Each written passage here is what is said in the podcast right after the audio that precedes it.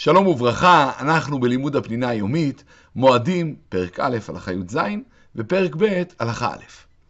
חייב אדם להקביל פני רבו ברגל. כלומר, להגיע, להיפגש עם רבו, ונסביר את הדברים יותר. מה העניין של המצווה? טעם המצווה כדי לכבד את הרב וללמוד ממנו תורה.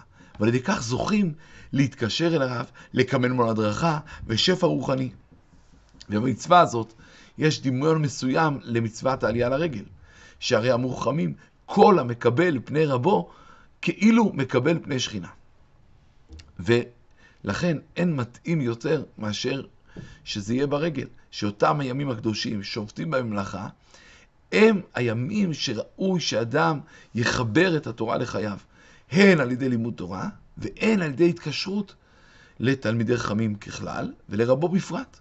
וכך נהגו מימים ימימה, כמו שלמדנו מדברי בעלה של האישה השונמית, שכאשר הוא ראה שהיא הולכת לאלישע הנביא ביום חול, הוא שאל אותה, מדוע את הולכת אליו היום? לא חודש ולא שבת. מכאן שבאופן כללי היו נוהגים ללכת אל הנביא ולרב בראש חודש ובשבת.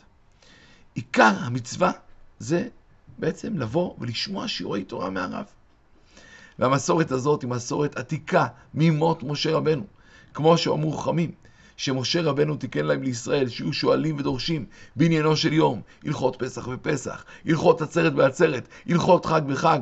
ועוד אמרו חז"ל, אמר הקדוש ברוך הוא למשה, עשה לך קהילות גדולות ודרוש לפניהם ברבים, ללמד ולהורות לישראל דברי איסור והיתר, כדי שיהיה שמי הגדול מתקלס בין בניי. והיו מאוד מקפידים שכולם השתתפו בדרשות האלה, והיה בהם גם לימוד תורה וגם כבוד תורה. אמנם, גם מי שמגביל את פני הרב באמירת חג שמח אחרי התפילה, קיים בדיעבד את המצווה. ויש מהדרים לבקר את הרבנים בבתיהם, לשמוע מהם דברי תורה ומוסר, סיפורים על גדולי ישראל. וכאשר יש הרבה תלמידים שרוצים לבוא לרב, כדאי מאוד שיתארגנו בחבורות. כדי שלא לבטל את הרב הרבה זמן מתורה, וכמובן גם שלא לפגוע בשמחת החג של הרב עם משפחתו ובני ביתו. פרשו הראשונים שהמצווה להקביל את פני הרב תלויה במרחק. אדם שגר קרוב לרבו צריך להקביל את פניו בכל שבת. מי שגר יותר רחוק צריך להקביל את פניו בכל ראש חודש. מי שגר עוד יותר רחוק צריך להקביל את פני רבו ברגל. ובתנאי שיחזור לישון בביתו. כי הרי מצוות השמחה בחג צריכה להיות יחד עם אשתו, כמו שכתוב, ושמחת אתה וביתך, ביתך זו אשתך, ולכן לא הגיוני שאדם לא יהיה עם אשתו בחג. אמנם יש שנהגו להקל בזה, יש שלימדו עליהם זכות, מכל מקום.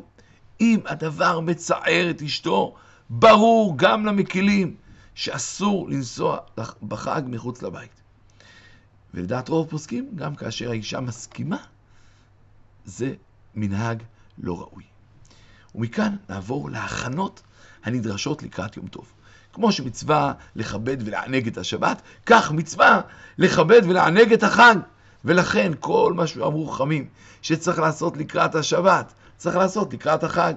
לכבס את הבגדים, להתרחץ במים חמים, מי שצריך להסתפר, להתגלח, לגזוז את הציפורניים, לסדר את הבית ולנקות. ומצווה לקנות מאכלים משובחים, כל אדם על פי יכולתו, ואסור לקבוע סעודה חשובה בערב החג, בגלל שלושה טעמים. אחד, שלא להשוות את סעודת החול לסעודת החג. שתיים, כדי שיגיע לסעודת ליל החג עם תיאבון, ויהנה וישמח בסעודת החג. ודבר שלישי, כדי שה... טורח הסעודה לא יפגע בהכנות החשובות לחג, וראוי לכל אחד להשתדל להיות שותף בהכנות. ארוחה רגילה מותר לאכול לאורך כל היום, אבל לכתחילה מורחמים שמצווה להימנע מארוחה רגילה או ארוחה עם לחם בשלוש השעות הסמוכות לחג. אסור גם לעשות מלאכה משעת המנחה, וכל מי שעושה מלאכה לא רואה סימן ברכה. וזה מתחיל משעת מנחה קטנה, דהיינו שעתיים וחצי זמניות לפני השקיעה, כפי שלמדנו את כל ההלכות האלה בהלכות שבת. כמו בשבת, גם בחג יש מצווה להוסיף בכל הקודש, דהיינו לקבל את החג מעט לפני השקיעה, ולהיפרד ממנו קצת אחרי צאת הכוכבים. מקבלים את החג על ידי דיבור, כמו להגיד, הרי אני מקבל על קדושת החג, או על ידי הדלקת נרות.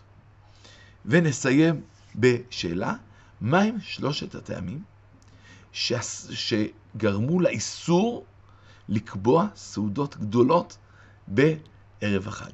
שלום, שלום.